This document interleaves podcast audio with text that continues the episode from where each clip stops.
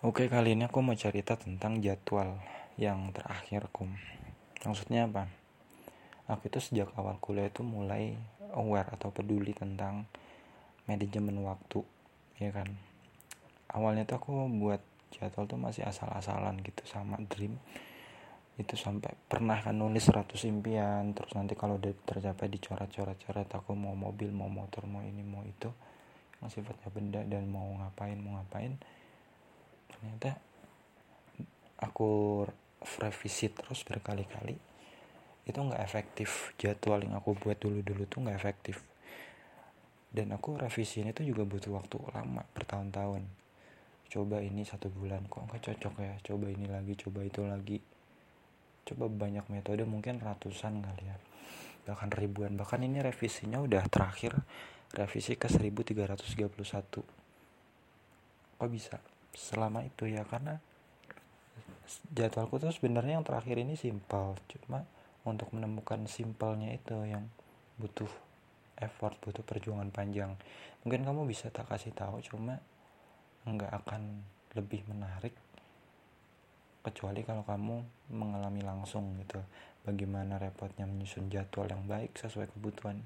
Kalau aku alhamdulillah udah selesai ya dengan diriku sendiri jadi jadwal udah ideal jadi gini tidurku tuh cuma 5 jam per hari itu yang wajib di malam hari jam 10 malam. Bangun nanti jam 3 atau jam setengah 4 jadi aku makan tuh cuma dua kali yaitu pas sahur sama pas jam 6 habis maghrib. Kenapa? Makan siang itu menurutku uh, opsional. Kalau ada orang makan siang silahkan tapi kalau aku pikir-pikir makan siang ini nggak begitu perlu ya. Ini untuk pribadiku. Kenapa karena makan siang itu sebenarnya waktu istirahat yang efektif untuk tidur untuk rebahan untuk layeh-layeh bukan untuk makan. Karena kalau kita makan di mana seharusnya setelah siang itu kita bisa beraktivitas lagi kita nanti malah ngantuk gitu. Kalau sarapan itu kita makan kita masih ngantuk kita bisa tidur lagi ya kan? Tergantung kamu makan jam berapa. Kalau aku bangun jam 3 terus kajian denger kajian di YouTube di mana. Dan aku lebih suka itu kajiannya online dibanding langsung. Karena apa? Pertama waktu. Ya kan efektivitas waktu. Itu sih yang kedua. Memang keberkahannya itu lebih bagus kita datang langsung. Tapi semisal kita nggak mampu mungkin online asal ustadznya tuh pilih yang berkualitas dan jelas gitu asalnya di mana ilmunya gimana. Itu tapi ini opsional mau kajian jam berapa mau di mana mau langsung atau mau online. Kalau aku prefer ke online. Itu setengah jam aja. Karena yang penting itu kan bukan kuantitas tapi lebih ke kualitas. 30 menit kajian cukup terus ibadah. Kayak tahajud zikir pagi mandi pagi ini biar seger. Aku tuh pernah nyoba berbagai jam tuh tidur apa mandi pagi yang efektif tuh jam berapa ya? Pernah jam 5 jam 6 jam 7 jam 8 nah aku udah lama jam 3 tuh sebenarnya efektif mandi sebelum subuh. Kenapa? Dinginnya tuh seger banget. Artinya dinginnya tuh sementara. Ya kan? Biar kita melek gitu biar kita bangun dari tidur gitu loh. Biasanya kan kita kalau bangun terus tidur lagi. Jadi tahajud mandi terus zikir pagi ingat Allah ingat ini. Terus sarapan atau sahur itu kan satu jam tuh nanti sholat subuh. Bisa jamaah kalau saranku subuh tuh jamaah. Biar berkahnya tuh dapat subuh setengah jam nanti jam 5 jam 5 itu kamu baca Quran satu juz. Jadi enaknya kalau aku sih satu juz dibabat habis sekali duduk ya dibanding nanti habis sholat dua lembar. Habis sholat dua lembar itu kurang efektif sih menurut tapi sesuai kebutuhan aja. Kalau aku lebih prefer ke baca Quran sekali duduk satu juz gitu biar nanti aktivitas selanjutnya bisa fokus gitu loh. Satu juz aja cukup sih menurutku baca Quran tuh nggak usah matok harus berapa berapa. Yang penting kan kualitasnya hati kita merasa damai tenang. Meskipun satu juz tapi kalau istiqomah rutin setiap hari tuh bagus sampai jam 6 jam 6 pagi itu kita olahraga keluar biar seger. Satu jam aja cukup. Tapi kalau mampunya 30 menit atau lebih kurang dari itu silahkan. Karena emang kalau menurutku satu jam itu udah ideal ya. Dan apa aja? Mau renang kayak mau lah raga jogging jalan kaki atau apa. Kalau aku lebih jalan kaki ya sambil dengar musik atau dengar podcast. Karena jalan kaki itu nggak butuh effort yang begitu banyak dan sehat juga. Gitu murah bahkan gratis.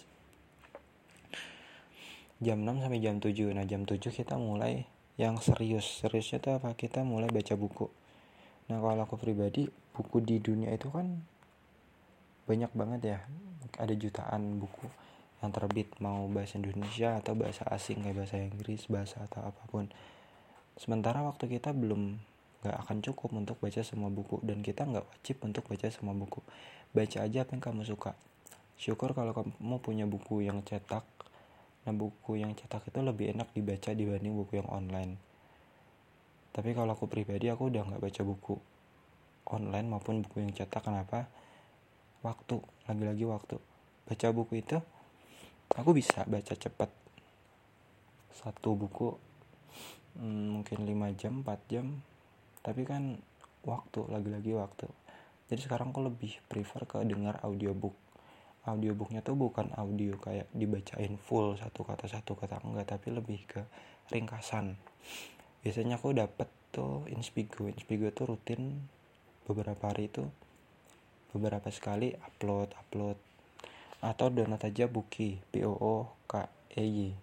Itu bahasa Inggris tapi ringkasan bukunya. Jadi semuanya tuh 5 chapter nah satu buku tuh sekitar 30 sampai 50 menit gitu. Jadi itu ideal banget buat kamu yang sibuk tapi tetap pengen baca buku. Nah kalau denger itu satu buku satu hari udah mantep. Sama nulis. Nulis istilahnya menulis apa yang ada di kepala. Nggak usah banyak-banyak satu halaman atau tiga paragraf aja cukup menurutku. Baru habis itu sholat duha. Itu sampai jam 8 nah jam 8 baru yang uh, ringannya dengar podcast. Aku kan suka dengar podcast biasanya sambil rebahan. Apa aja? Kalau aku bisa serius podcastnya kayak NCPG itu kan serius ya. Artinya bahas tentang karir pekerjaan dan sebagainya. Tapi kalau yang lebih santai yang random itu di noise. Noise itu keren banget. Aku tuh sebenarnya udah nyoba banyak banget aplikasi podcast. Pod, aplikasi podcast tuh banyak ya. Ada Google Podcast Spotify Noise Inspigo, Pogo FM dan sebagainya. Tapi yang terbaik menurutku itu cuma dua, Spotify aja kalah. Inspigo dan Noise. Tapi Noise nomor satu dibanding Inspigo menurutku. Kenapa Noise itu topiknya tuh setiap hari itu up to date. Mereka punya program khusus kayak noise spesial, noise original, noise eksklusif. Kalau noise spesial itu program yang dibuat noise spesial, mendat spesial tentang orang tertentu. Misalkan Coki kemarin isi yang pertama. Terus Aurel Hermansyah. Jadi artinya bintang tamu itu spesial gitu loh.